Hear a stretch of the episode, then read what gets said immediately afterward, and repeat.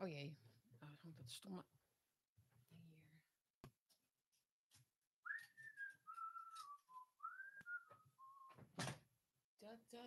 Hier. Da. Zo, dat was een beetje rommelig daar. Goedemorgen, hè? Het is maandag, hè? Dan mag dat. Een beetje chaotisch nog. Welkom bij Bakkie, jongens. Kom gezellig binnen. Pak een bakkie. Een bakkie met een B. Hm? Een bakkie met bergsma, jongens. Kom gezellig binnen. En dan gaan we eventjes wat zaken bespreken met jullie. Ik hoop dat jullie een leuk weekend hebben gehad. Ik wel. En dat jullie fris en uitgerust aan de nieuwe week kunnen beginnen. Ben ik goed te verstaan? Kijk even naar de chat. Welkom iedereen in de chat.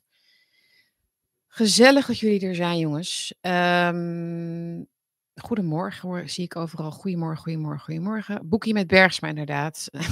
Waar ben ik aan begonnen? ah, help.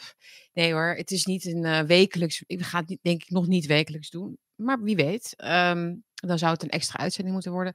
Maar ik vind dat het belangrijk is om af en toe ook wat andere dingen in de uitzending te doen dan alleen maar het nieuws, actualiteiten, de meningen. Maar gewoon eens wat literatuur of ik ben niet zo'n filmmens, dus ik vind over films praten ook niet zo heel erg leuk. Een film moet je gewoon zien en daarna, daarna weer vergeten.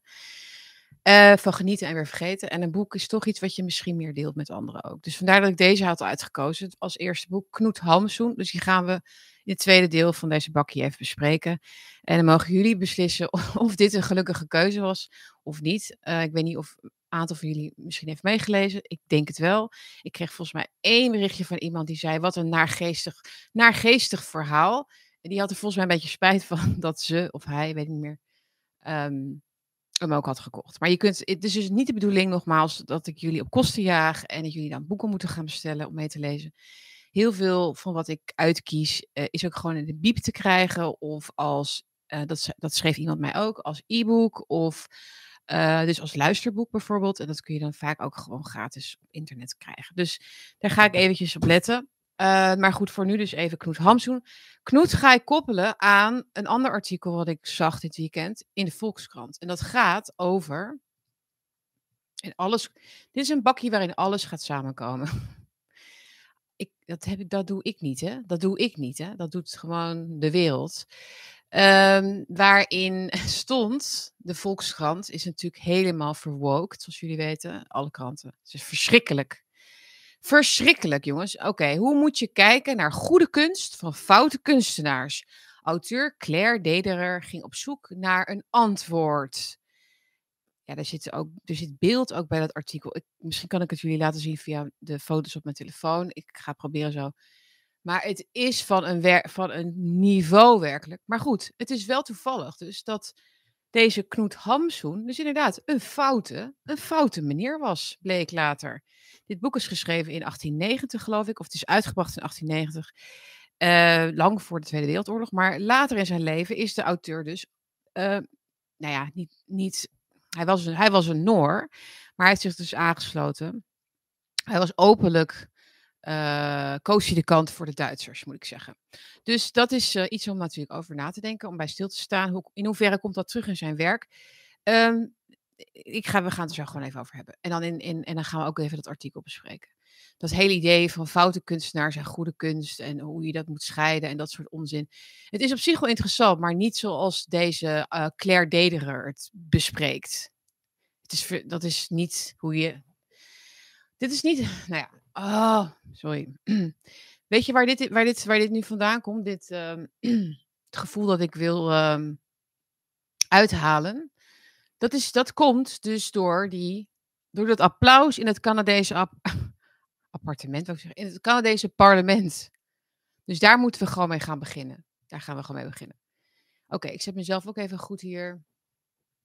En dan uh, ga ik even lekker voor zitten. Neem een slok koffie. Dan gaan we dit eens even verwerken, jongens. Clownwereld, ja. Nou, ik vind dit wel, dit vind ik wel beyond. De, de, circus tent is inmiddels wel uh, uh, afgebroken hoor. En we zitten al lang, we kijken al lang naar wat er achter het uh, toneel plaatsvindt.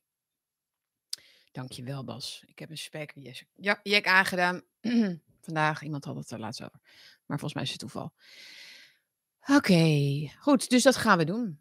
Ehm, we gaan eens even achter het, uh, achter het toneel kijken. Die circus tent, die is al lang afgebroken. Dankjewel Martijn voor de superchat donatie. Dat kan dus ook.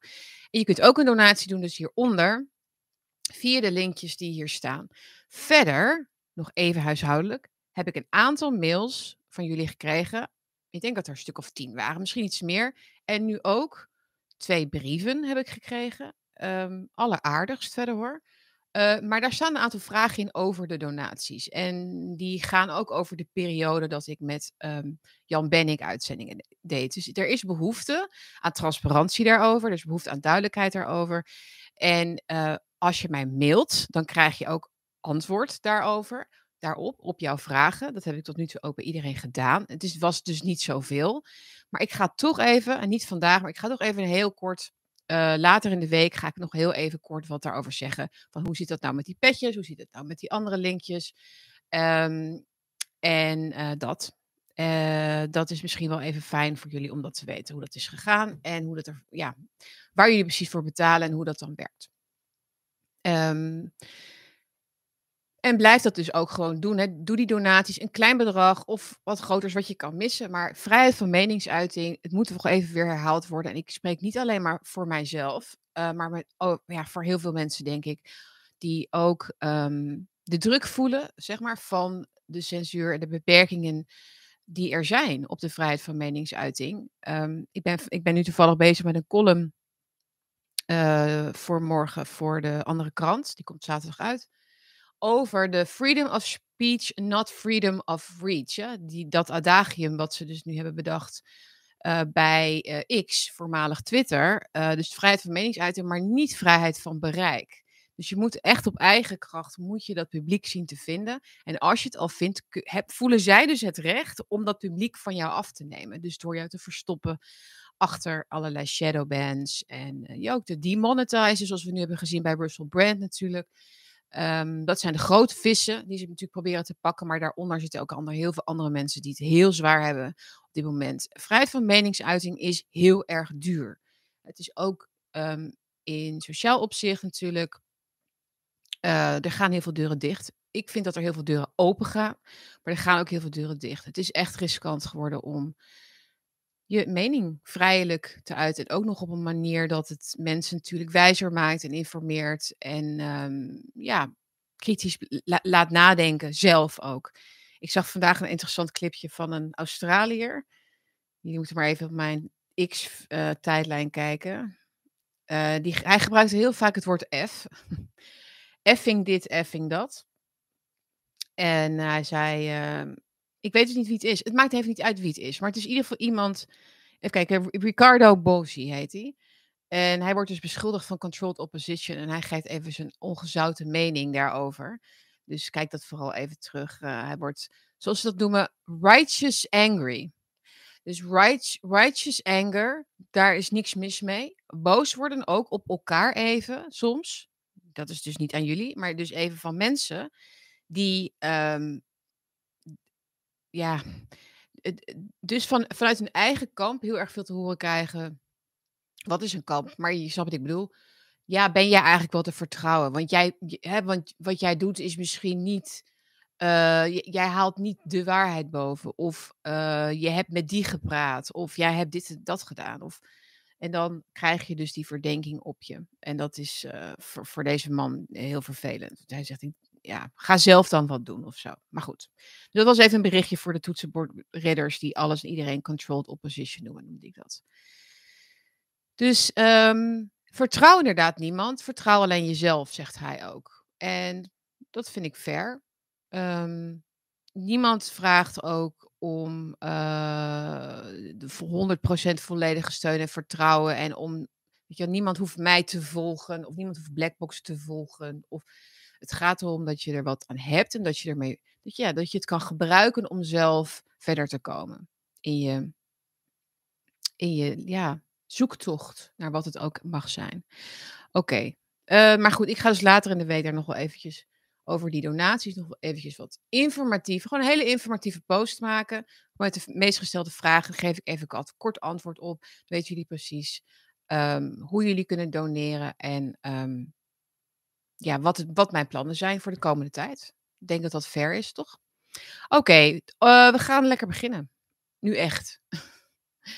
Ehm, ja, dus het, ehm, het voorval in het Canadese parlement, jongens.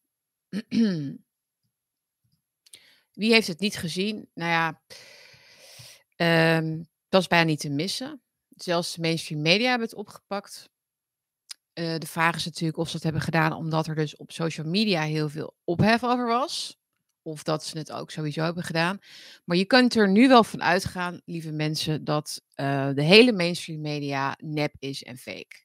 Sorry, maar waarom zouden ze nog werkelijk authentieke aan, aan, aan nieuwsgaring doen, of aan duiding doen, of aan uh, hoor en wederhoor doen, of aan iets anders dan selectieve verontwaardiging doen, aan iets anders dan de door het regime uitgekozen slachtoffer uh, ophemeling doen. Waarom zouden ze aan iets anders doen dan wat ze de hele tijd doen?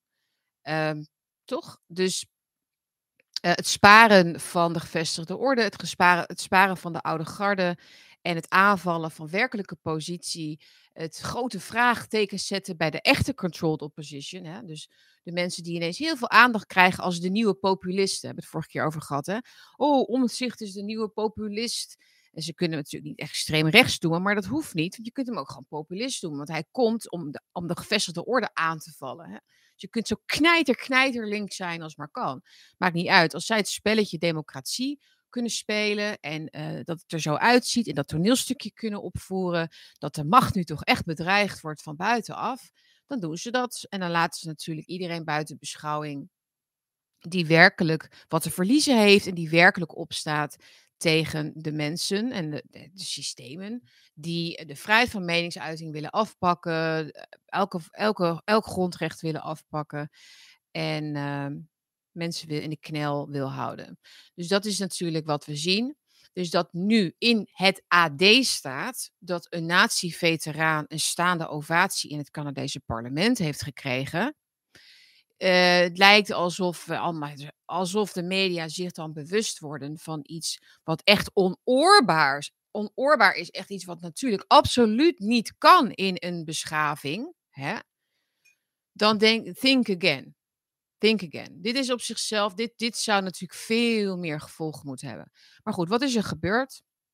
Er is dus, vraag me niet welke dag het was, of vrijdag. Vrijdag dus was er in het Canadese parlement, u weet wel, de baken van, van vrij debat, waar uh, de westerse beschaving dag in dag uit wordt bevochten met goede argumenten, met democratische beginselen, met de rechtsstaat, met alles wat ons natuurlijk uh, in die Tweede Wereldoorlog bijna was afgepakt.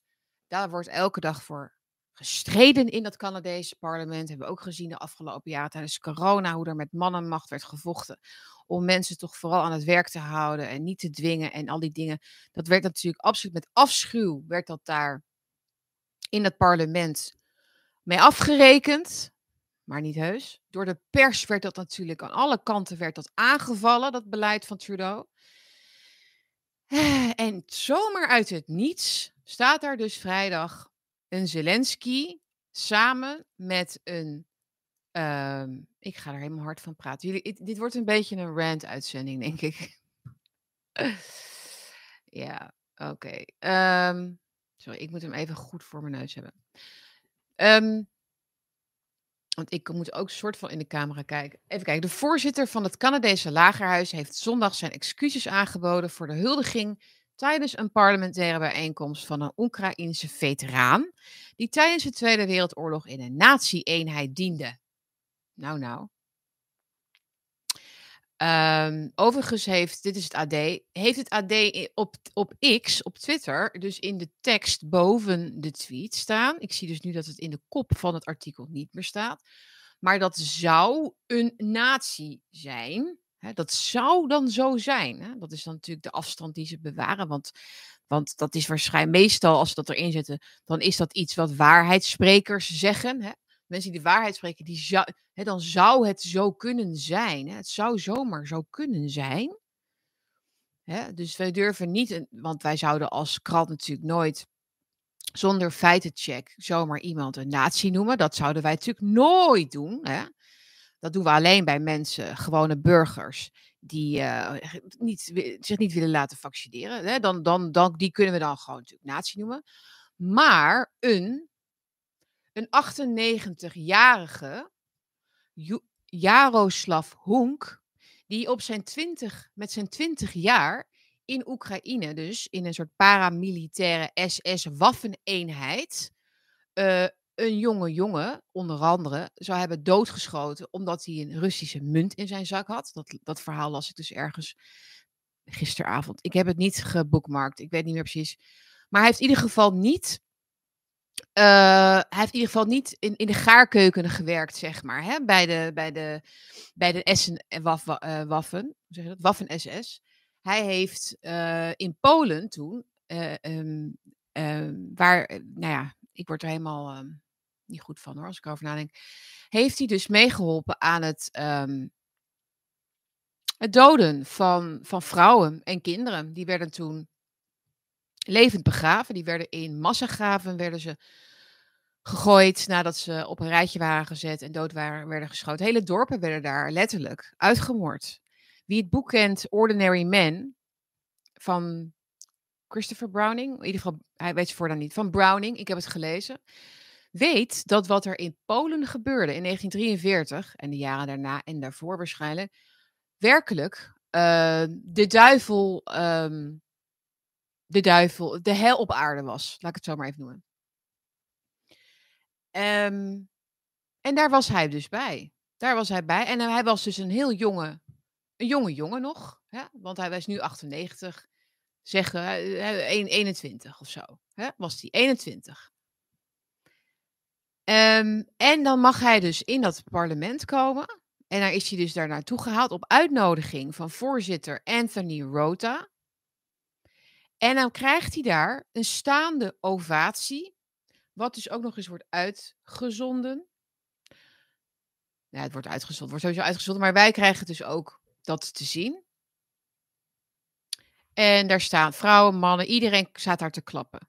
Iedereen staat te klappen, kijkt hem aan en hij doet zo zijn duimpje omhoog en hij doet, eh, hij maakt zo'n soort van twee gebalde vuisten.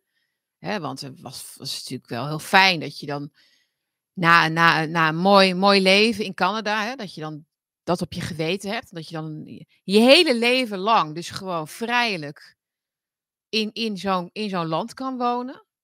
En dat je dan niet, nou ja, sorry hoor. Ze zeggen wel eens, hè, mensen kunnen op jonge leeftijd hele slechte dingen doen. En dat vreet zich natuurlijk dan in je leven op een bepaalde manier door je ziel heen, dag in dag uit. En, dat, de doden komen je dan bezoeken hè? in je nachtmerries, in je dromen. Ik geloof daarin.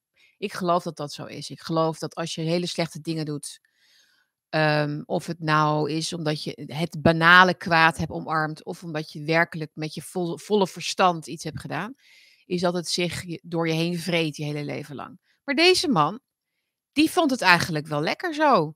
Dat je dan bijna honderd moet worden mag worden, moet ik zeggen. Dat je bijna 100 mag worden. Terwijl dus kinderen en vrouwen en al die arme mensen eh, met, met, de meest gruwelijke, angstige dood hebben gestorven die je maar kunt voorstellen. En dat je dan dat applaus in ontvangst neemt van mensen die in een land leven waar dus ook allemaal jonge jongens zijn gestorven om, om, om, om zich van dit soort, dit soort lui, dit soort hoenklui te bevrijden. Nou ja, en here we are. Hier zijn we dus. Ja, ik, ik ben echt helemaal. Ik, ik twitterde gisteren ook van: dit kan toch niet waar zijn? Oké. Um, volgens, oh ja, volgens de stichting Vrienden van het Simon Wiesenthal Centrum Joodse mensenrechtenorganisatie, diende Hunka echter in de Tweede Wereldoorlog als lid van de 14e Waffen Grenadierdivisie van de SS. De stichting eiste daarop excuses van de voorzitter. Nou, dat lijkt me dan niet meer dan normaal. Hè? Um, oh ja, dat zag ik ook nog ergens. Uh, daar kom ik zo wel op.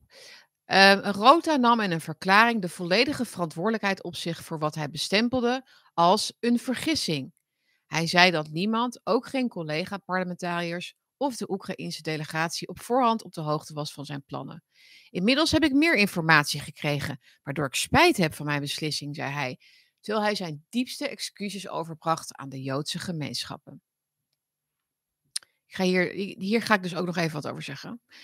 Uh, voor mensen die nog meer achtergrondinformatie willen. De erkenning van de oorlogsveteraan volgde op een bezoek van de Oekraïense president Zelensky, die Canada bedankte voor de hulp bij de Russische invasie in zijn land.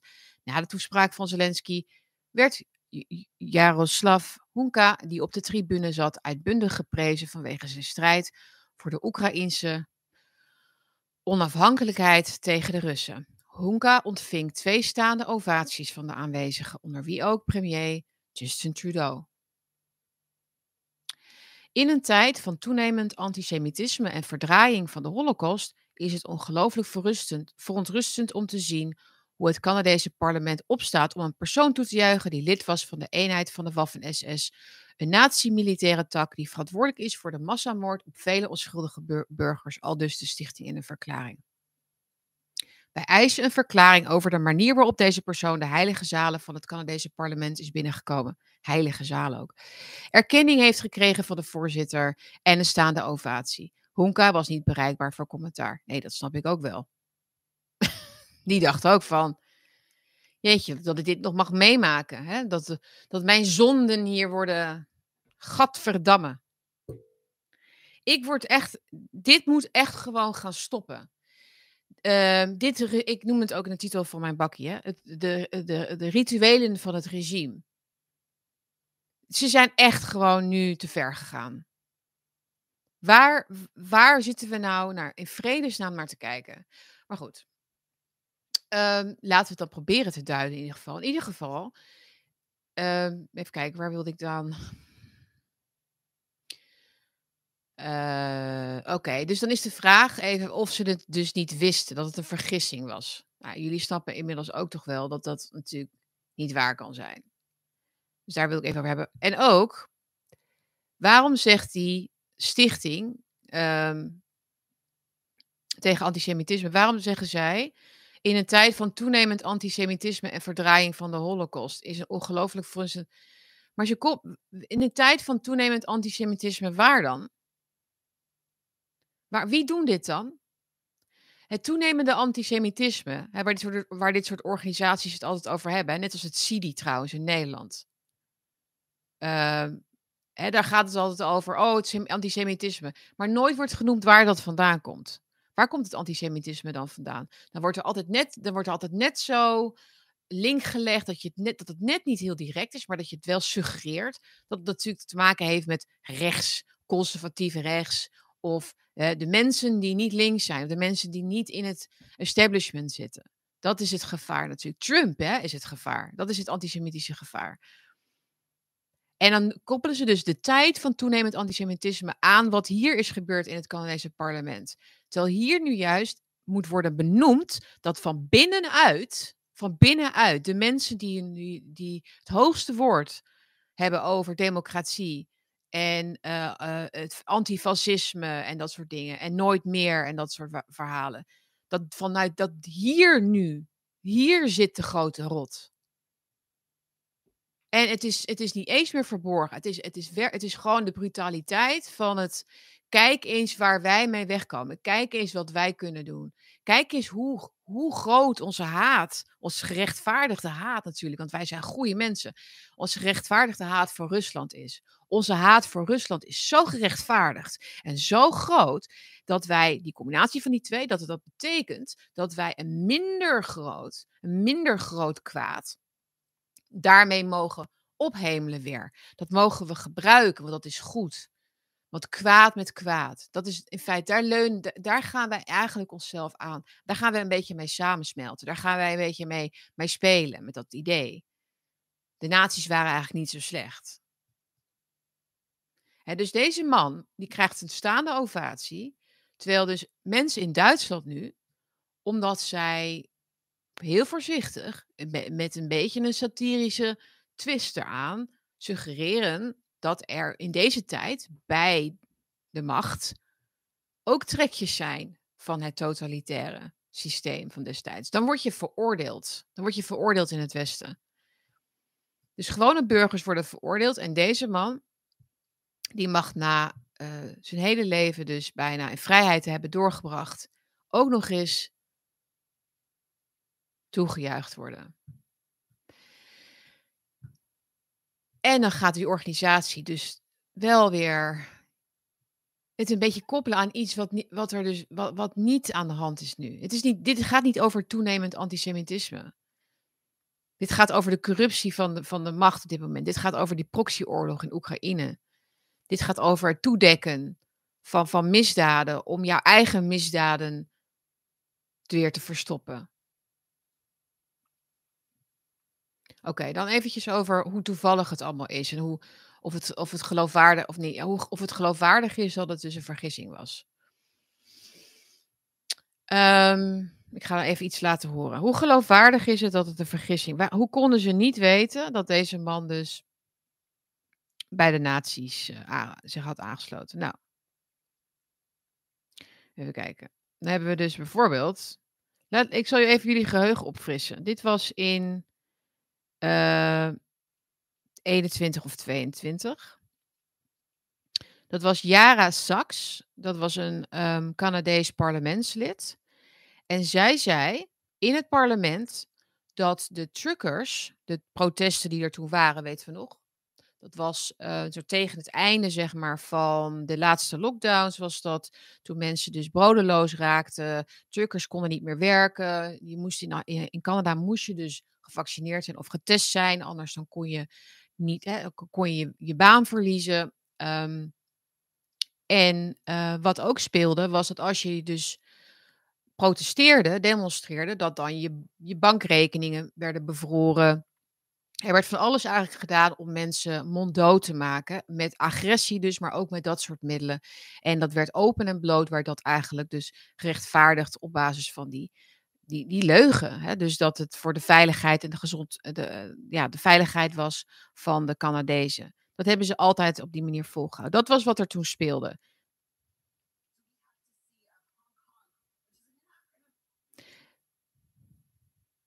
Even overnieuw.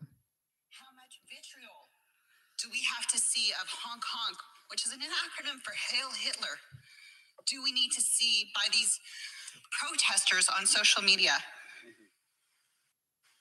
How much vitriol do we have to see of honk honk, which is an acronym for Hail Hitler, do we need to see by these protesters on social media?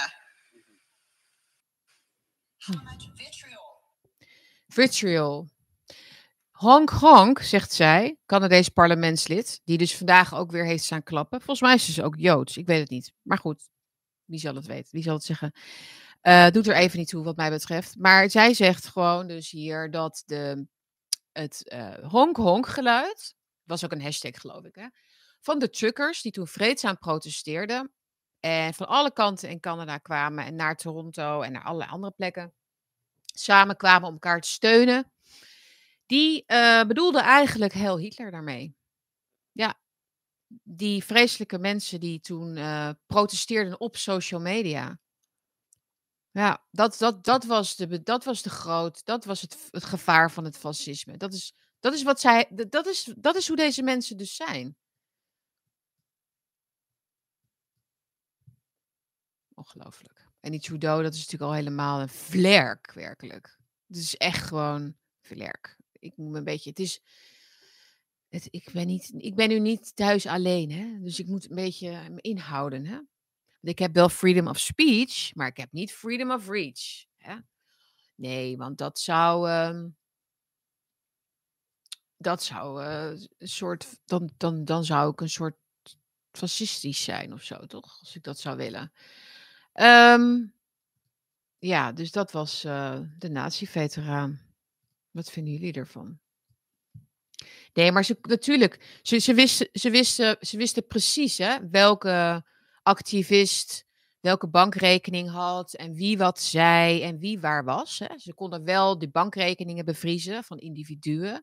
Hè. Ze konden ook rechtszaken voorbereiden, boetes uitschrijven, uh, inlichtingendiensten erop zetten, hele ja, uh, mediacampagnes eigenlijk beginnen tegen bepaalde individuen, maar ook groepen individuen. Er was een enorme hetze opgezet die internationaal zelfs ging. Want het verbaasde mij dat ook de Nederlandse media dus extreem negatief waren over die truckerprotesten. Zoals ze dat ook bij MAGA waren. Zoals ze dat ook bij de boeren waren natuurlijk bij ons in Nederland. He, want dat valt allemaal onder dezelfde gevaarlijke, populistische, uh, fascistische onderbuik en zo. Dus dat gaan we meteen wegzetten als gevaarlijk en tegen de democratie. Dat was natuurlijk precies wat Trudeau graag zag. Hè? Die heeft de hele media natuurlijk gekocht. Maar ze wisten precies wie er allemaal tegen de haren instreek van de macht. Ja. Uh, ze wisten precies met voor- en achternaam waar je huis woonde. Hè?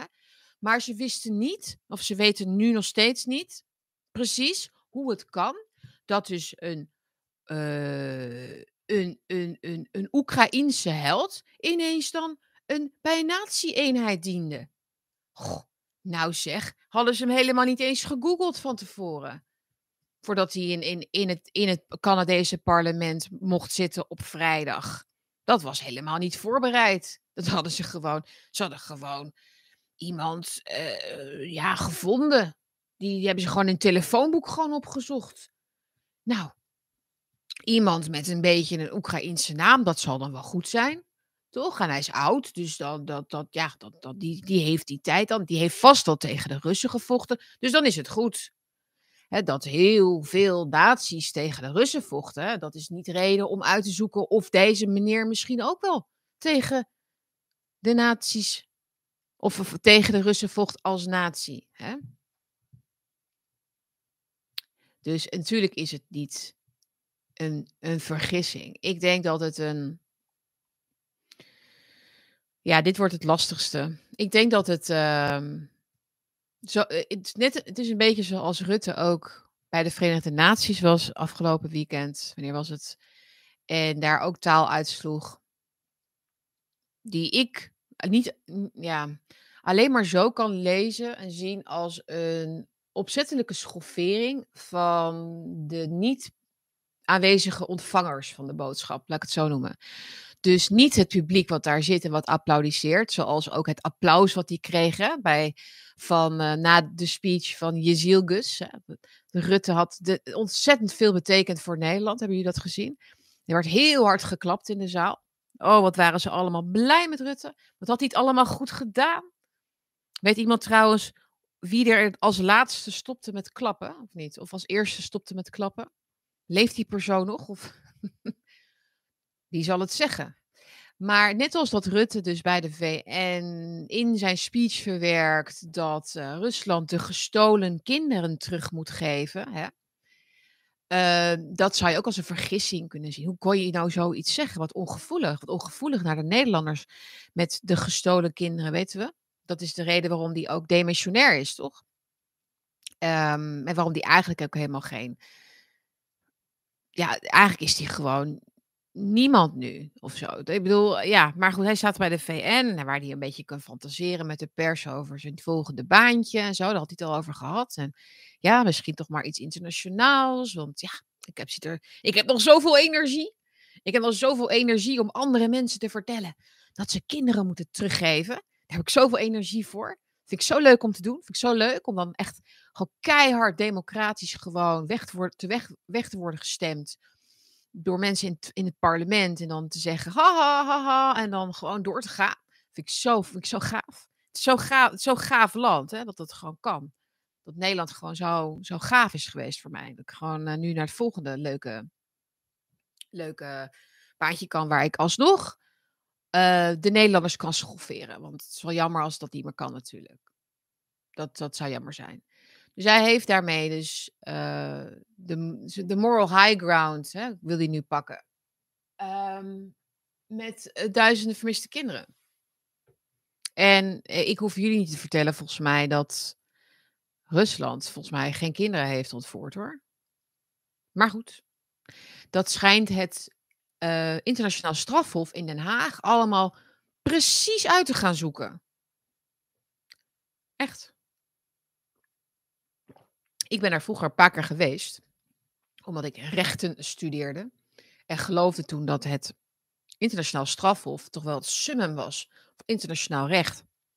Waar de grootste oorlogsmisdadigers eindelijk um, hun, hun welverdiende straf zouden gaan krijgen. Om nu te moeten concluderen, na nou ja, de laatste showprocessen denk ik, dat het natuurlijk gewoon een politiek wapen is. Hè? En natuurlijk staat dat in Nederland, want Nederland leent zich daarvoor. Want wij zijn het epic centrum, eh, centrum het epic center van um, alle globalistische speeltjes. Hm.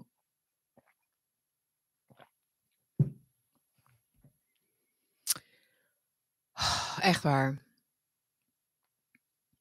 In diezelfde speech zei Jezilgus ook dat eigenlijk alles helemaal kapot is. Dat alles opnieuw moet worden opgebouwd. Dus Rutte was fantastisch, maar alles is kapot, ja.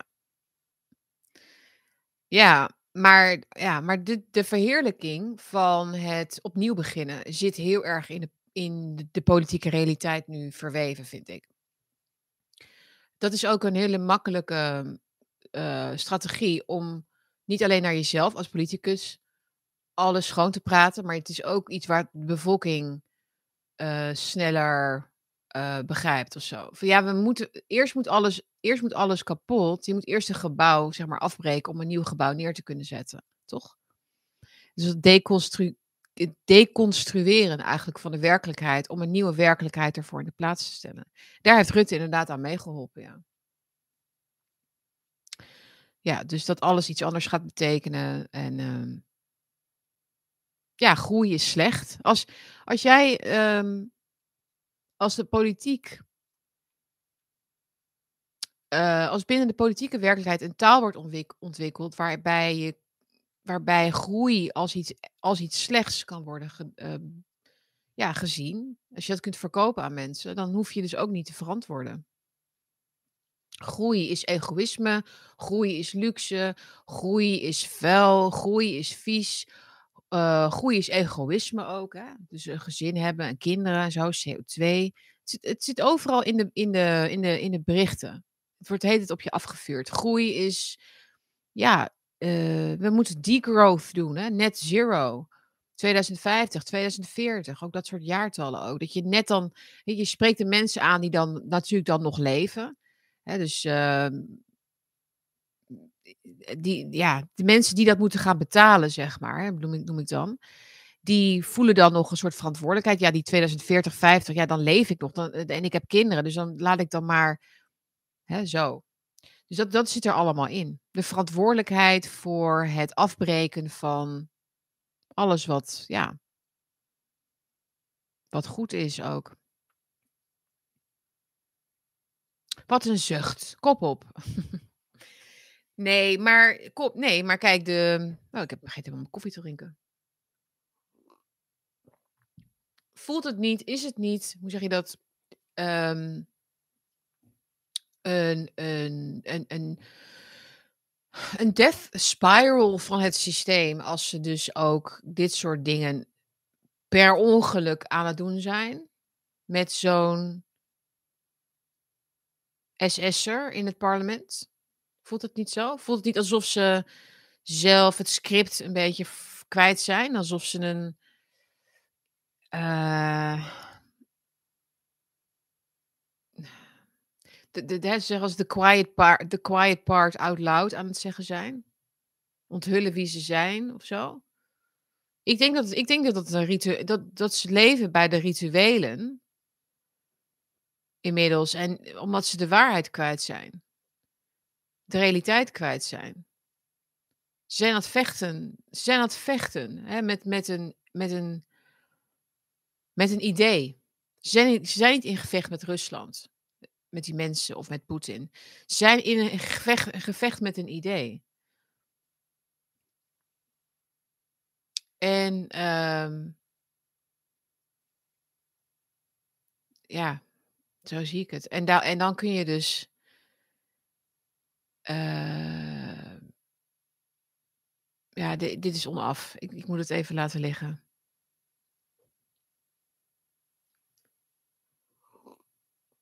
Misschien kom ik erop als we het boek gaan bespreken. Dan kom ik vanzelf wel op dat spoortje misschien.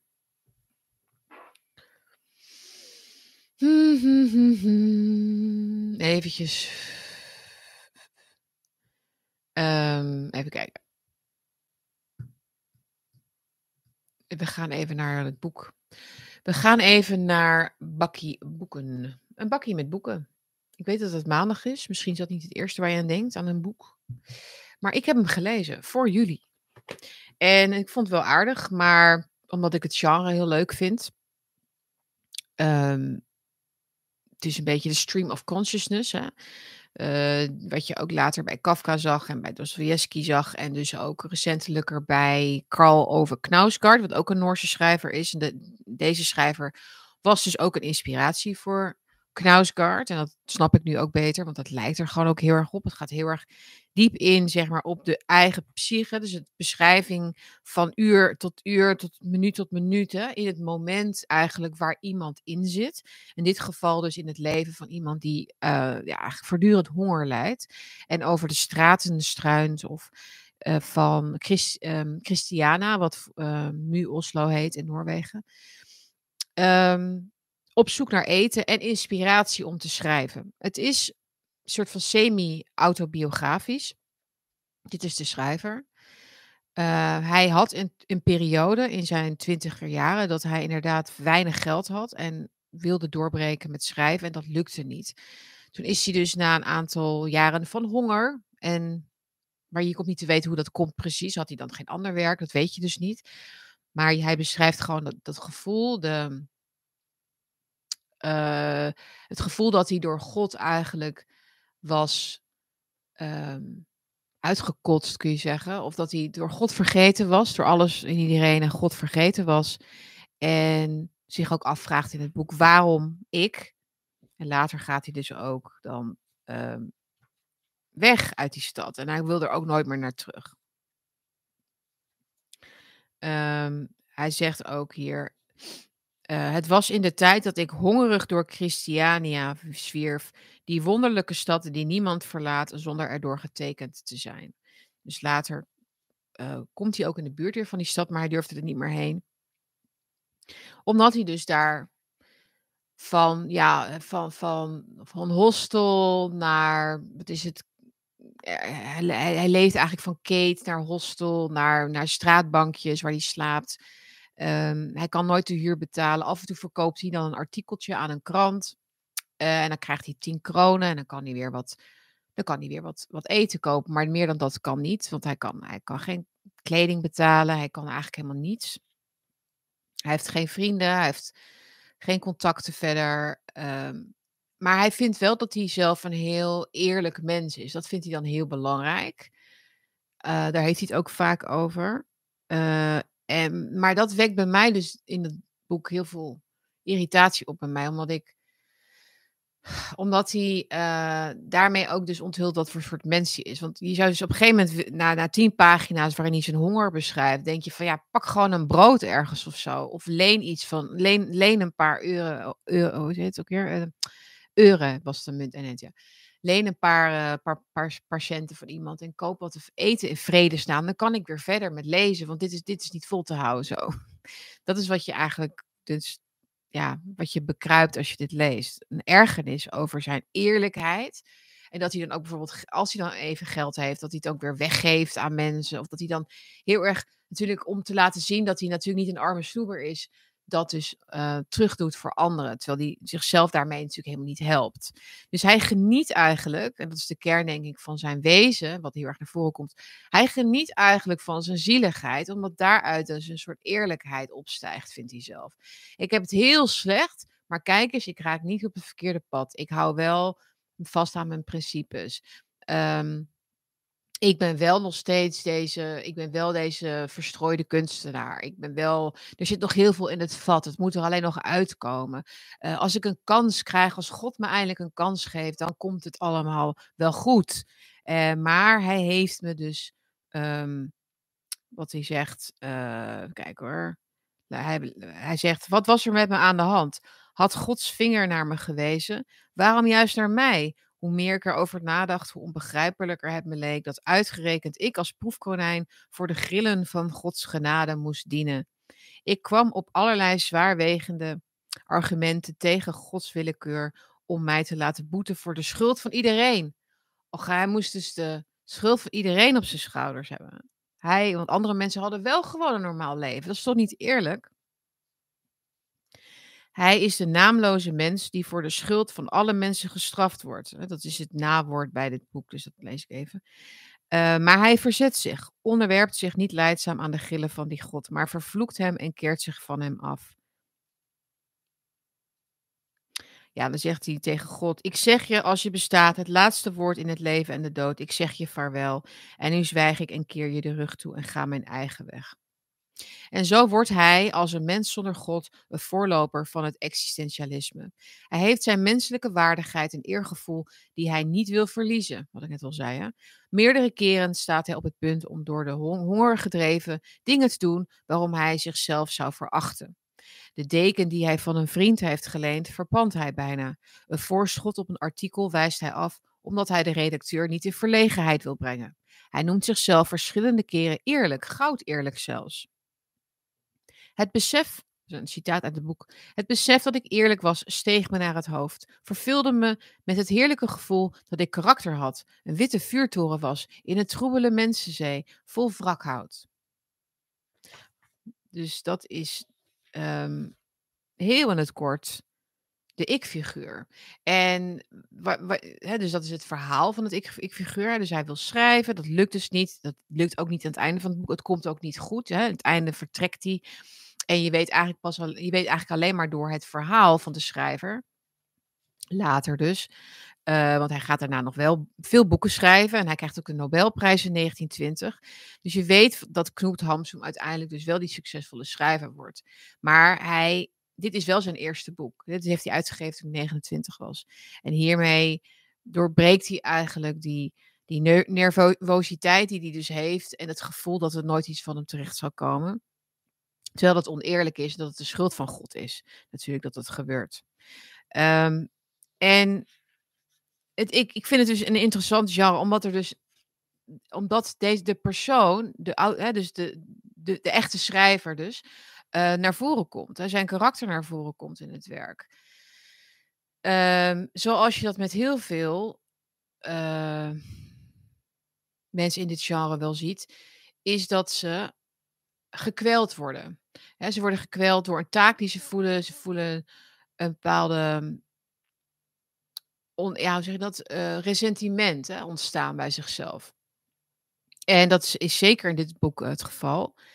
Um, maar wat ik, wat ik, ja, het feit dat hij later, laat maar, het feit dat hij dus later zich aansluit bij het puppet, uh, zeg maar, puppet, um, de puppetregering van, van uh, de Duitsers, zeg maar, in Noorwegen. Uh, zeg mij iets over inderdaad zijn gevoel dat, hij, dat het gerechtvaardigd was of zo. Omdat hij eh, ja, leed als mens. Hè? Hij voelde zich. Uh, ja, hij was er opportunistisch, zou je kunnen zeggen, maar ook ver weg van God, ver weg van eigen verantwoordelijkheid, ver weg van het idee dat je. Um, dat de redding niet van boven komt of zo. Weet je, dat is een beetje wat hij laat blijken hier. Hij um, voelt zich een slachtoffer. En ik denk dat dat, dat, dat, dat veel zien eigenlijk in deze tijd. Is dat mensen dat nihilisme zo omarmen en dan heel erg vervallen in het totalitaire denken. Of in die val, heel, heel snel in die val trappen, denk ik. Ik weet niet of dat, uh, jullie dat ook. De kwetsbare narcist, zegt iemand. Ja, dat is heel goed gezegd. De kwetsbare narcist. Ik ben, het, is, het gaat zo slecht met mij. En nee hoor, ik hoef niks te hebben. Het is ook het zwelgen in het slachtofferschap, wat Knut Hamsun doet in dit boek. Hij zwelgt erin. Uh, want daarin vindt hij het bewijs in het feit dat het slecht met hem gaat. Um, ja, dat, dat de wereld hard is en dat het niet aan hem ligt of zo. Weet je wat ik bedoel? Hij mag gelegitimeerd vijanden creëren in zijn hoofd. Toch wel. Want hij is zo eerlijk gebleven. Kijk eens hoe goed, wat een goed mens ik blijf onder deze omstandigheden. Kijk eens, ik steel niet en ik geef ook wel eens wat aan armen. Ik ben zelf straatarm, maar ik geef ook aan armen. Wat goed van mij dat ik dat doe. Ik ben toch goed gebleven. En dat zijn mensen die eigenlijk dus een beloning willen. Die willen dus toch die beloning hebben en het niet uit zichzelf halen. Dat is hoe ik dit lees. En dat is inderdaad dat kwetsbare narcisme. Dat vind ik heel goed gezegd. Wat je veel ziet. Mensen die zwelgen in hun, in hun lot. En um, daaruit dus ook de rechtvaardiging halen om uh, vijandbeelden te creëren. Vaak op latere leeftijd. Vindt hij dan dat het bewijs dat het, dat het slecht met hem gaat, dat hij gelijk heeft, dat hij gelegitimeerd is, dat hij zijn zin heeft? Ja. Um, ja, hij vindt dus, omdat het slecht gaat, dan dat dus bestaat God niet. Want hè, dus hij gedraagt zich als een soort Job hè, in het boek, zoals in de Bijbel. Uh, het is bijna zo dat hij het erger maakt voor zichzelf. Hè? Dus er zijn heel veel voorbeelden in het boek waarin hij zichzelf nog erger kwelt dan nodig. Bijvoorbeeld dan gaat hij naar bed en dan heeft hij heel erg pijn in zijn schoenen. Of in zijn voeten, maar dan laat hij wel zijn schoenen aan. Uh, dus als lezer denk je de hele tijd van... waarom zoek je niet naar wat verlichting, waar dat ook is of zo? Of hij spaart dan, hij, hij, spaart uit. Hij is super zuinig, weet je wel, alsof zuinigheid iets is wat, wat, je, wat past bij iemand die arm is.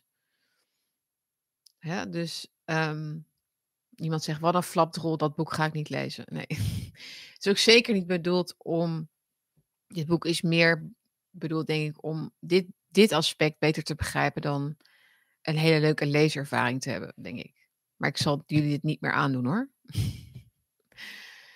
Uh, Yvonne zegt, Job blijft onder alles wat hem overkomt trouw aan God. I klopt. Nee, ik bedoel het niet als uh, dat hij Job is, maar hij denkt of voelt of doet alsof hij dat is.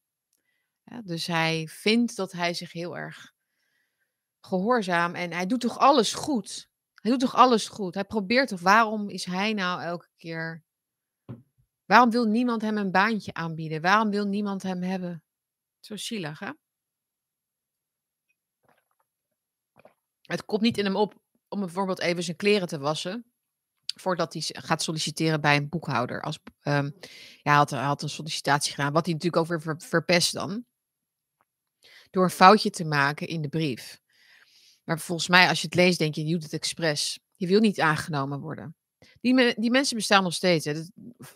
Weet je, die, die liever niet aangenomen worden, omdat ze dan kunnen zeggen: Ja, zie je, niemand wil mij. Vreselijk.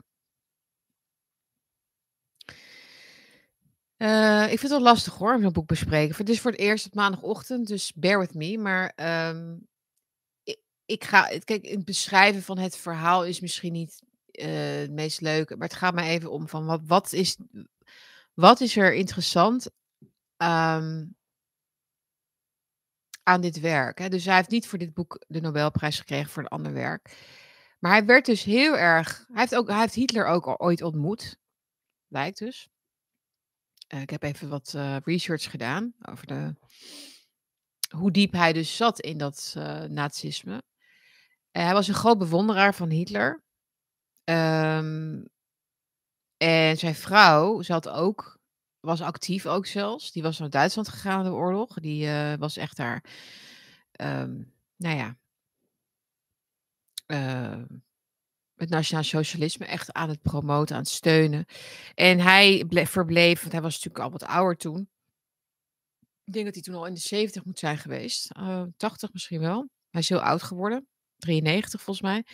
Dus hij was al op leeftijd in de Tweede Wereldoorlog. Maar hij heeft heel openlijk heeft hij zich voor de Duitsers uitgesproken. Dat is hem natuurlijk extreem kwalijk genomen.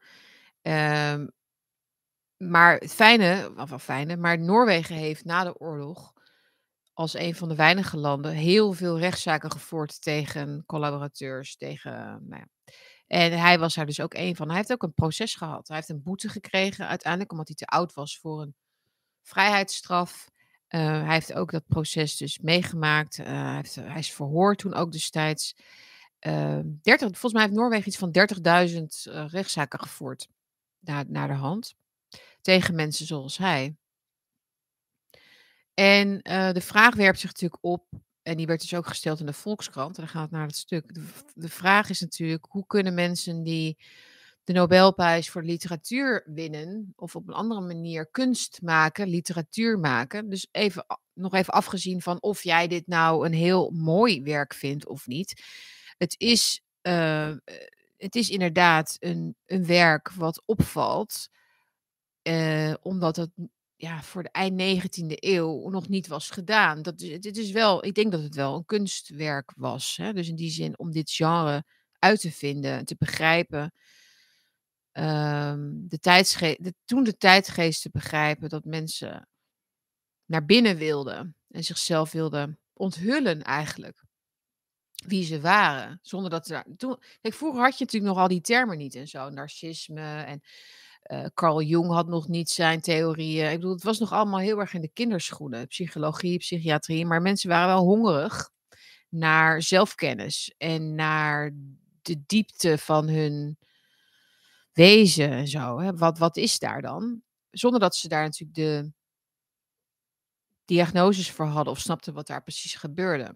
Maar de, het gewicht van het bestaan sinds de dood van God, hè, zoals Nietzsche dat uiteindelijk dus wel wist beter pakken, zeg maar, wat nou e-, precies die essentie was van het probleem met de mens. Um, het verlies van God, het verlies van zichzelf, het verlies van het hogere. Dus waar zit dan het diepe? Dus dat idee. Daar is het, leefde hij middenin. En hij heeft dat dus weten te vertalen in een, in een heel aangrijpende, ja, een soort roep om aandacht, is wat het is. Een roep om aandacht, een schreeuw om aandacht. Hoe dit soort mensen dan later dus uh, dus uh, met al het succes wat ze hebben en de roem die ze hebben en uh, zo kunnen dwalen. Hij is wel overigens, nadat hij bij Hitler was, hij was dus bij Hitler geweest en toen ging hij Hitler vertellen dat hij de dingen niet goed had gedaan. En toen werd Hitler heel boos op hem. Hij ontving hem dus als de schrijver, Knut Hamsun, hij kwam daar en Hitler dacht, dit, dit, heb ik van Wikipedia, correct me if I'm wrong, maar dit is dus het verhaal wat daar stond. Um, waarom zou iemand dat verzinnen, denk ik dan? Maar goed, dus misschien is het wel waar. En dan, Hitler zou dus op dat moment hebben willen oreren, zoals hij dat altijd deed, in gezelschap met anderen. Ging Hamsun dus een monoloog afsteek over wat Hitler allemaal niet goed had gedaan. Had een verkeerde, weet ik veel, had iemand aangesteld in Noorwegen, daar was hij het niet mee eens. En snapte hij wel dit en snapte hij wel dat. Dus hij was ook nog eens heel arrogant. um, ja, dit kunnen we ons natuurlijk helemaal niet voorstellen. Dit bizar. Maar, dus toen, is hij, toen was het een heel vervelende ontmoeting, een hele vervelende ervaring voor Knoet. En daarna was, hij, was Hitler voor hem wel een beetje van zijn voetstuk gevallen. Ja, dus, uh, maar hij heeft, niet, uh, hij heeft het, uh, het nationaal socialisme niet, niet afgewezen. Hij heeft de rest van zijn leven dat toch min of meer wel verdedigd. En is, hij heeft een boete gekregen uiteindelijk en is arm. Um, als een armoedzaaier is hij uiteindelijk ehm, overleden. Dus zo is hij begonnen en zo is hij ook dus overleden zonder iets, helemaal berooid. Um, en uh, zijn vrouw uh, heeft zich op een gegeven moment ook tegen hem gekeerd. Ik weet niet precies hoe dat is gegaan. Er stond iets ook, ook, iets over. Zoals het gaat. When it rains, it pours. Als je je aansluit bij de verkeerde kant, dan loopt het niet zo heel goed met je af. Nee. Wat hoor ik nou? Oh, er komt een vrachtwagen door de straat. Um, ja.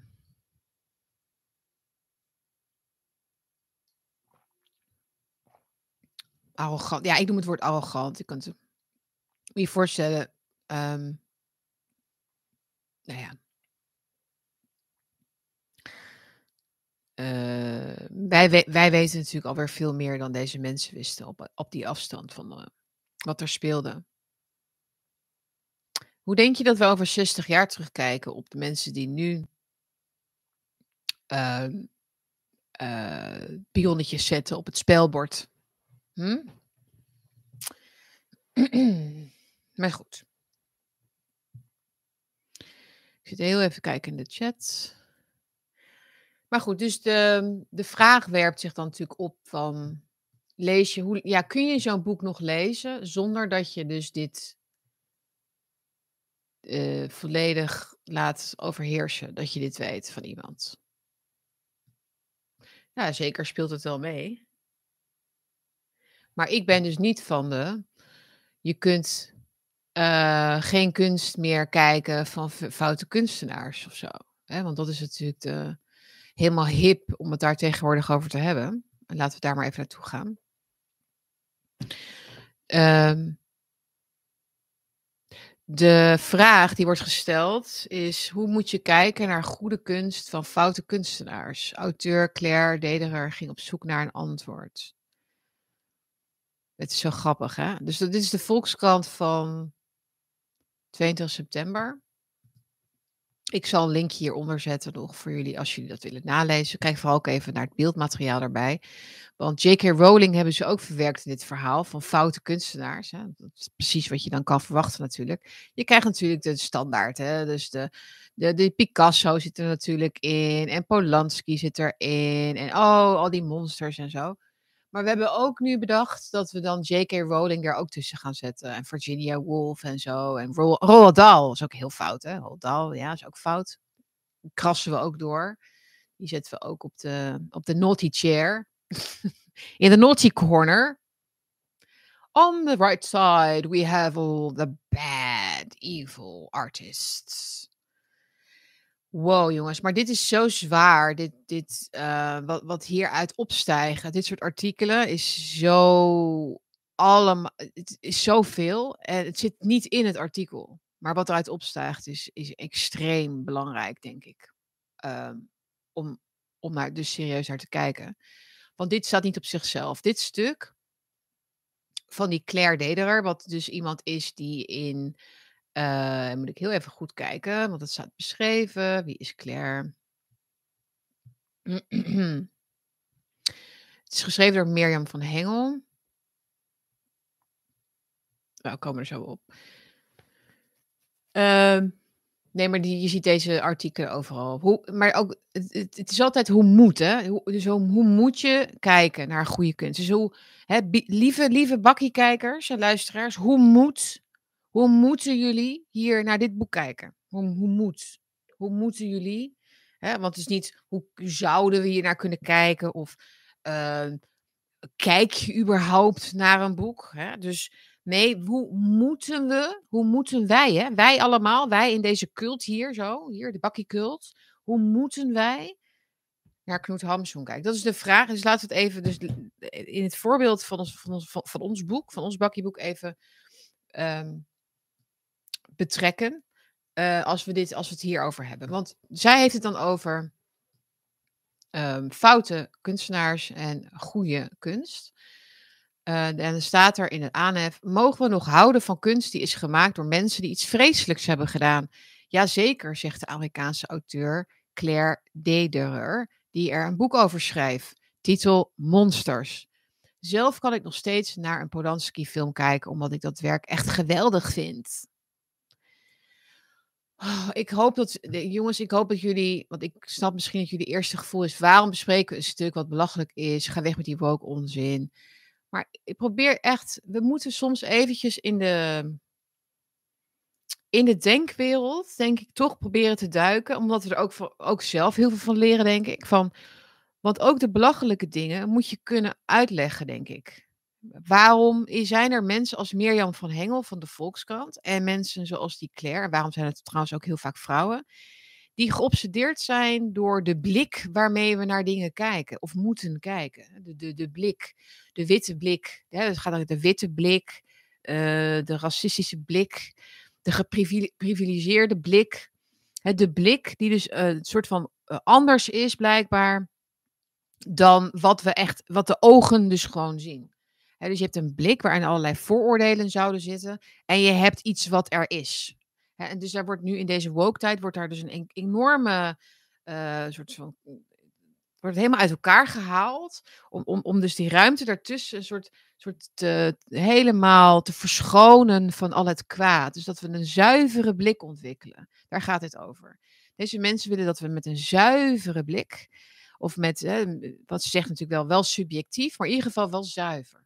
We moeten een zuivere blik kijken, zodat we zodat we het kwaad uit iets moois kunnen halen. Of zoiets. Dus het is, het is letterlijk gewoon uh, scheikunde of zo. Ik zie het echt als een soort scheikundige uh, theorie of formule wordt er dus bedacht. Door deze ja, mensen in, in een echte cult, denk ik. Dus het is cultdenken. Want het is heel erg de buitenkant en de binnenkant. Dus zij en wij. Wij die kijken en zij die, die iets fouts doen. Dus en dat, uh, en dat ze zuiver houden. Dat is uh, hoe je dit moet zien. Dus, dan zeg, dus het maakt dan een boek en dat heet dan Monsters. Dus zij zou natuurlijk, helaas, helaas, heeft dus die Claire Dederer uh, Knoet Hamzoen niet genoemd. Hè? Want ik vind toch wel dat iemand die uh, een Nobelprijs heeft gewonnen voor literatuur. Uh, en dan later op bezoek gaat bij Hitler, omdat hij, zo, omdat hij hem zo bewondert, toch wel als een foute kunstenaar moet worden gezien. Maar Knut Hamsun, die kent natuurlijk niemand zo goed. Hè, maar we kennen wel Polanski en we kennen wel Picasso en we kennen Roald Dahl. En J.K. Rowling natuurlijk, hè, want die is ook populair, dus die moet ook kapot. Oh nee, ik bedoel, die moet ook kritisch worden bekeken. Ja? Ze, kiezen, ze kiezen gewoon een paar mensen uit, dat is wat ze doen. Dus eerst gaan ze selecteren en dan gaan ze daar titel monsters op plakken. En dan gaan ze filosoferen deze dames dus, het zijn vooral vrouwen nogmaals, over wat doen we daarmee? Wat doen we met deze mensen? Hè? Gooien we ze op de brandstapel? Of uh, um, zijn ze nog, um, uh, mogen ze nog redemption, de, redemption ontvangen? Vergeven worden? Even kijken. Um, ja, zij, zij kijkt dan nog wel Polanski-films, omdat dat werk echt, echt goed is. Echt, is wel echt, ja, zo grappig, hè? Dat je dan, ja, alsof dat zeg maar dan de strijd is die je dan hebt in je hoofd. Ik vind het heel goed. Ik vind het zo goed, maar ik vind die persoon zo fout. Hè, wat moet ik er nou mee? Wat moeilijk. Oh man. Ja, dus, uh, ja, Oké, ik ga, sorry, maar ik, ik moet dit even allemaal doen. Jullie mogen ook wat anders gaan doen, maar ik wil dit zo graag even, um, even in de bakkie hebben. Uh, en hoe het daarna kan, kunnen we het gewoon laten liggen. Maar ik zie dit heel veel voorbij komen. Namelijk dit, dit, de, deze dwaallichten. Uh, een klassieke stil uit Woody Allen's film Manhattan prijkte boven het stuk dat de Amerikaanse auteur Claire Dederer in november 2017 publiceerde in het literaire tijdschrift The Paris Review. De deskundige, of de deskundig sukkelige oogopslag van Allen naast het soevereine profiel van actrice Mariel Hemingway als Tracy boven haar milkshake wegkijkend. Kop boven het stuk What do we do with the art of monstrous men? Het was een paar weken nadat de hashtag MeToo was ontploft. Wereldwijd deelden vrouwen hun ervaringen met seksueel geweld en intimidatie. Alle media sprongen op het onderwerp. En te midden van alle verhalen, de jachtige discussies en de provisorische meningen was daar professorisch, was daar Claire Dederer, een schrijver en criticus die al jaren met het onderwerp bezig was, omdat ze werkte aan een boek over de filmmaker Roman Polanski, wiens werk ze immers bewonderde, maar die ook een 13-jarig meisje had gedrogeerd en verkracht. His monstrousness was monumental, like the Grand Canyon. Oké, stop. Stop. Uh, dus Roman Polanski zegt, zegt deze Claire dus over, die dus een boek heeft geschreven over kunst en foute kunstenaars. Zij zegt dus: Polanski's monsterlijkheid was monumentaal, zoals de Grand Canyon. Mensen. Uh, dus een monsterlijkheid die eigenlijk al de, ja, de buitengrens van monsterlijk. Hè? Dus de Grand Canyon, dan stel je dus maar voor dat dat een afgrond van monsterlijkheid is, wat niet meer te evenaren is. Dus daar kan je eigenlijk niet meer overheen. Dus, dat is een, dat, dus dan geef je aan dat Polanski is het ultieme kwaad. Dus het ultieme kwaad, waar, wat, wat, eh, ja, wie, wie kan daar nog, daar kun je niet aan voorbij. Dat is eigenlijk wat ze bedoelt. Je kunt niet aan de Grand Canyon voorbij. Dat kun je niet eventjes zo even oversteken. Nee, dat is, dat is een, een afgrond. Daar, hoe kom je daar? Dus zij, zij zet eigenlijk de table hier, dus met, een, met al een extreem uiterste. Ehm, en gaat nu laten zien, eigenlijk aan de lezer, dus ook in dit, ook in dit stuk van deze Mirjam van Hengel, die dat ze samenvat eigenlijk, maar goed dat ze dit noemt. Hier, hier moeten wij dus als lezer van de Volkskrant al meteen uh, heel benieuwd zijn hoe zij moreel gezien hier overheen gaat stappen. Hoe gaat zij dat dan doen? Zo'n enorme monsterlijkheid. Het is net alsof je inderdaad um, een atoombom laat vallen op 5 biljoen kinderen of zo. Dat is eigenlijk het, ongeveer wel wat, wat ik voel bij monumentale monsterlijkheid of zo. Maar nee, we hebben het over Polanski. Hè? Dus die een 30-jarig meisje heeft gedrogeerd en verkracht. Dat is natuurlijk nog nooit gebeurd verder. Het is natuurlijk heel erg, maar mm, nou ja, ik ga I'm not going there. Maar is het het meest erg ooit in de wereld van de monsterlijke dingen? Het punt is natuurlijk, op het moment dat ze het gaat relativeren, heeft zij geen verhaal meer. En dat is het hele punt, dus het hele gebrek van deze woke meisjes, is dat ze alles moeten verabsoluteren. Want als je al gaat relativeren, zeggen van, nou ja, hij heeft dit gedaan, um, het gebeurt vaker, uh, het staat niet in verhouding tot, als je, het, als je het gaat relativeren tot andere misdaden, of je gaat het afzetten tegen de kunst, dan heb je al geen verhaal meer. Want dan is het ieder, ieder individu voor zich die moet bepalen hoe erg die dat vindt. Wat, wat, natuurlijk zou moeten. Dat is wat ik vind namelijk. Eh, dat is aan jou zelf om dus dat te beoordelen. Of een, of een mens helemaal zuiver moet zijn en nooit iets mag hebben gedaan in zijn leven. Om iets te mogen uitbeelden, om daar iets over te mogen zeggen, om iets, iets, daar, om iets te maken waarin dat misschien terug te vinden is ook.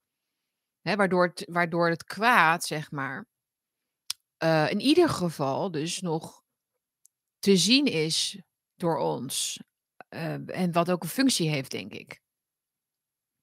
Ik denk dat de Mirjam van Hengels en deze, hoe heet ze?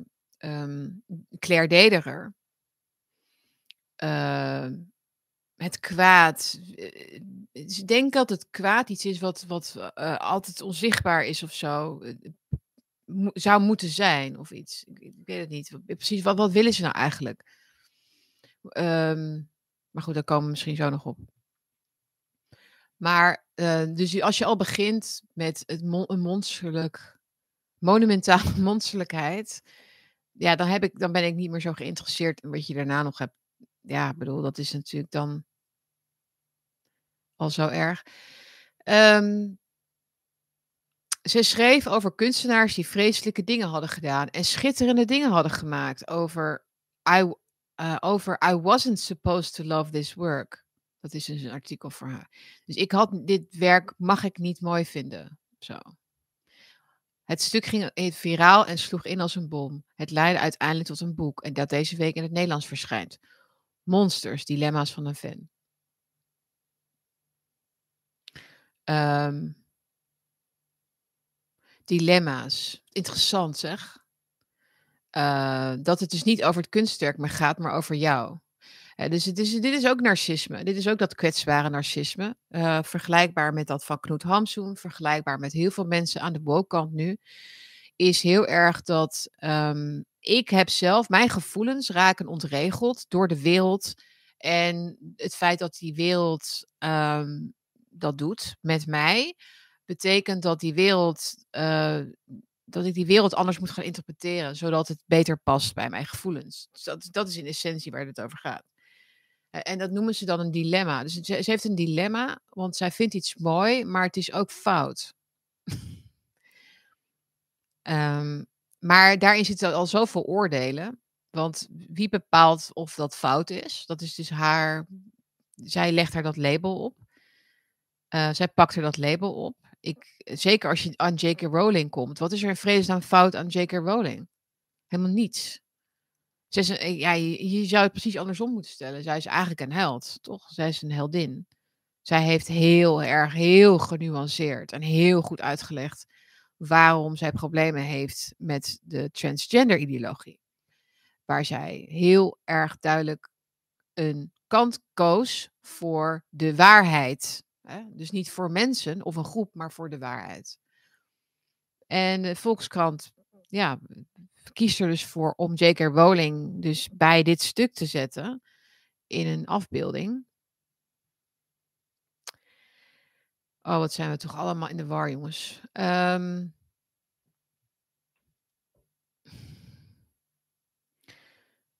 even kijken hoor. Ze zegt, oh ja, dus zij is bezig met dat zogenaamde dilemma tussen de maker en het, en het uh, kunstwerk. Maar ja. Uh, en zij is dus nu in de war, want zij, zij denkt nu dat er dus een markt voor is. Dat ging viraal en iedereen wil het daarover hebben, maar ze vergeet dat dit de verhalen zijn die door het establishment worden uitgekozen en in de grote bladen worden komen, omdat dit het, omdat dit het narratief dient. Dat, we, dat we individuele mensen en creativiteit en vrijheid van expressie als verdacht gaan zien. Dat is precies wat natuurlijk de macht waar we nu mee te maken hebben wil.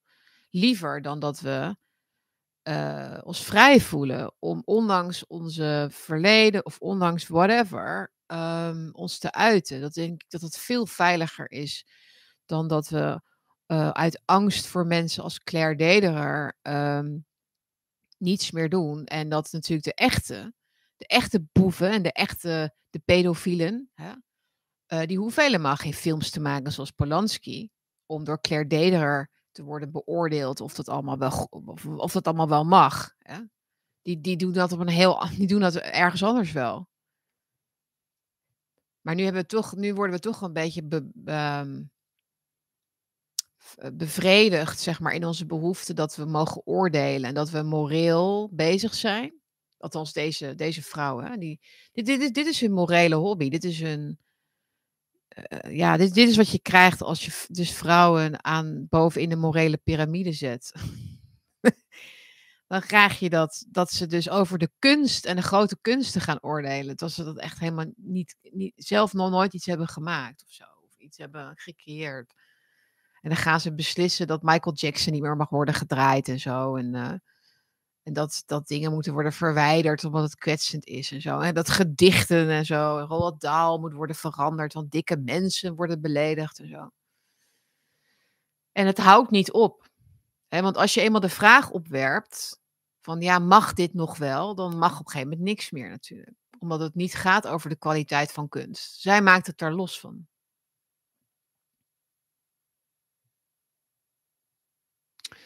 Uh, even kijken hoor.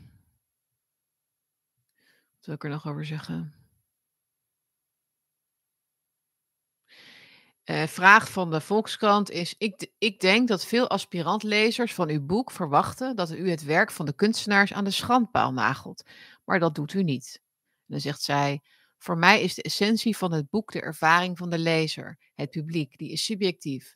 De kunstenaars over wie ik het heb zijn in zekere zin instrumenten om de ervaring van het publiek te herleiden of in te kaderen. Ja, hallo.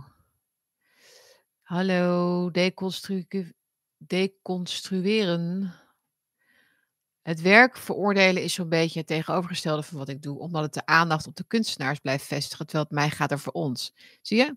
Kwetsbaar narcisme we, moeten niet, we moeten niet kijken naar de kunstenaar, wat hij bedoelde, maar we moeten kijken naar hoe het ons doet voelen. Hoe voelen wij ons bij deze persoon? Is, dit niet heel veel van wat we nu zien in die woke-wereld is echt, echt het aftappen hè, van andermans creativiteit en energie. Die foute kunstenaar, die, als wij hem fout noemen, dan mogen wij onszelf goed noemen. Dus je, je tapt gewoon af. Dus je, via dat fouten van die Picasso en het fouten van die ehm, Polanski, kun jij je opvullen met goedheid. En met het genie. Hè? Want ook door te zeggen dat het heel goed is. Want dat is ook de voorwaarde. Hè? Dus zij worstelt met dat goede. Dat goede kunstwerk. Dus zij, dat goede kunstwerk door een fout. Maar als zij zich er nou tussen. Als zij zich nou als soort intermediair tussen die twee dingen inzet. Dan heeft zij iets van dat genie eigenlijk in zichzelf. Zoiets. Zo, zo, zo voel ik hem een beetje. Snapt ze zelf niet. Ze gebruikt ook helemaal geen enkel argument hè, in dit hele stuk niet. Waarom het niet inderdaad een vorm van cancelcultuur zou zijn om dit te doen. Waarom, je dit zou, waarom, zouden we die, waarom zouden we iets moeten ook? Waarom moeten we er anders naar kijken?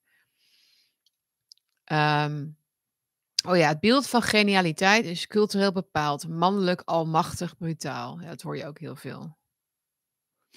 Nee, dat is niet cultureel bepaald. Genialiteit heeft te maken. Dat is trouwens iets wat ehm, hoe heet ze, Camille Paglia heel goed heeft beschreven. Zij is een feministe en ik heb haar ooit gesproken ook voor mensen die dat niet wisten en haar een interview met haar gedaan. En zij zegt: de meeste mannen zijn kunstenaars. Dat heeft een reden. Dat is niet cultureel bepaald. Het is omdat vaak alleen mannen bereid zijn om te lijden en heel diep door het stof te gaan om iets te creëren. Mannen willen naar de top van een berg bijvoorbeeld, niet vrouwen niet per se. Uh, mannen die willen een symfonie schrijven en willen een, ja, willen die, die tocht maken naar waar het, waar, waar het onbekende is. En vrouwen willen dat niet. Die, die willen die offers niet brengen. Simpel. Het, met uitzonderingen. Daar gaat niet om. Maar dat is, dat is, onderzoek dat nou gewoon eens een keer. Maar goed. Um,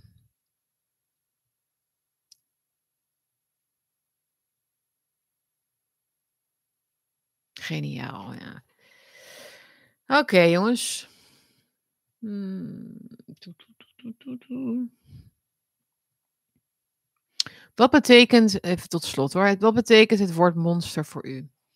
Het was een belangrijk woord om uit elkaar te halen. Het speelde een rol in het discours rond MeToo en was daar heel krachtig.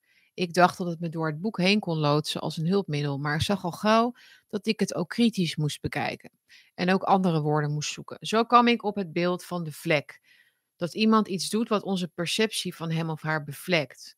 Dat is geen keuze die we zelf maken. Het gebeurt en het verandert vervolgens onze ervaring van die persoon en van het werk. We hebben geen controle over hoe we emotioneel reageren op een kunstwerk. En we hebben evenmin controle over wat bepaalde kennis over iemands biografie doet met ons perspectief. Waarom hebben we daar geen controle over? Jij hebt daar geen controle over, omdat jij, zeg ik even tegen de persoon die dit vindt, um,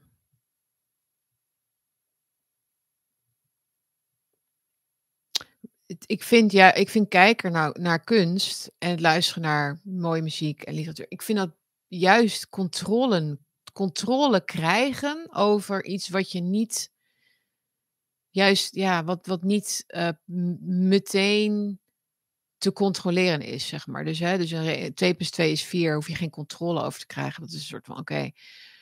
Maar um, kunst is er dus om controle te krijgen over je eigen emoties, volgens mij, toch? Omdat het via een ander, nou ja, ik, ik, ik vind het zo niet, niets verhelderen en alleen maar afdrijven. Alles in dit hele stuk drijft af van beter begrijpen wat kunst is. Volgens mij.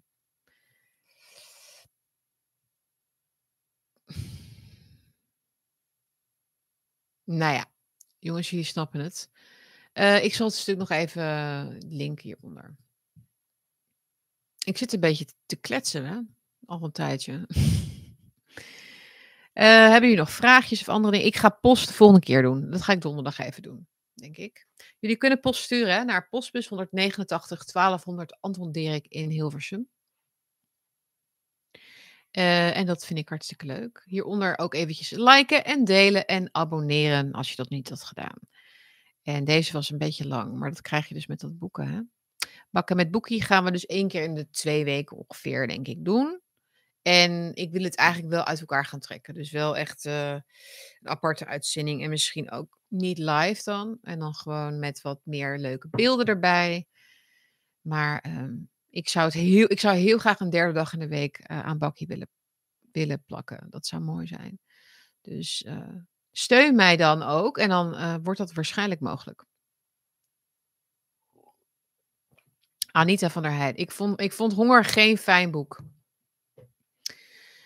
I hear you, Anita. Ik eigenlijk ook niet, nee. Maar uh, misschien helpt het als we het daar dan over eens zijn. Ik hoop dat dat een beetje de pijn verzacht. Dat ik.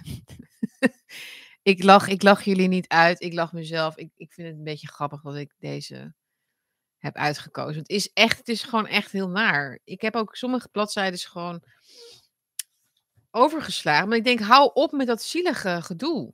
Hè? Met je honger. Stil, uh, stil een brood, doe iets. Ja. Was een worsteling. Maar je bent er wel doorheen gekomen. Je hebt iets gedaan wat je anders niet zou hebben gedaan. Dat is misschien ook wel een, een soort prestatie in zichzelf. Dankjewel, Michael. Uh, die is heel actief in de chat, hè, Michael van der Galien. Dat is leuk. Maar die doet het erbij. Bij zijn, dan is hij aan het werk en dan luistert hij. Dat is natuurlijk ideaal. Um, we spreken eens iets van Martin Toonder. Oké, okay, goede tip. Ik zal het even opschrijven. Tips zijn ook welkom. Je kunt ook, hieronder staat ook mijn mailadres. Jullie kunnen mij ook mailen als jullie willen voor tips.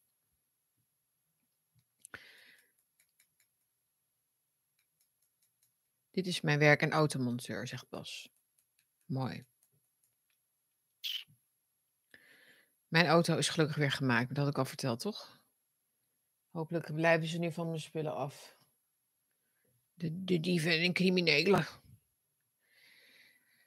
Ah, wat ga ik nu doen? Ik ga even. Het is 12 uur, jongens. Ik, ik weet niet wat ik heb, maar het is uh, veel, uh, veel stof. Lang van stof.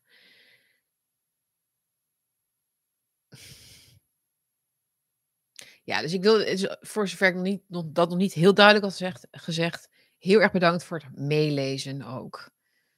Uh, en ik zal, uh, ik ben nu Elon Musk aan het lezen, maar dat is niet, ik denk niet dat het geschikt is. Ik ga hem wel bespreken, een keer een bakkie, maar niet als een bakkieboek, denk ik. Uh, dus dat wordt meer een, een wel, ook wat dunner werkje. Ik zal even wat, wat leukers uitzoeken voor jullie. Iemand gaat lekker wandelen in de zon. Ja, we gaan, we gaan afsluiten, jongens. Ik wil jullie heel erg bedanken voor het kijken voor het liken en het delen. En ik wens jullie een hele mooie maandag, een hele mooie week. En we zien elkaar hier weer donderdag, denk ik, hoop ik. Uh, dat is wel het plan in ieder geval. En tot snel. Oh, Michael is ook met um, Elon Musk bezig. Fascinerend.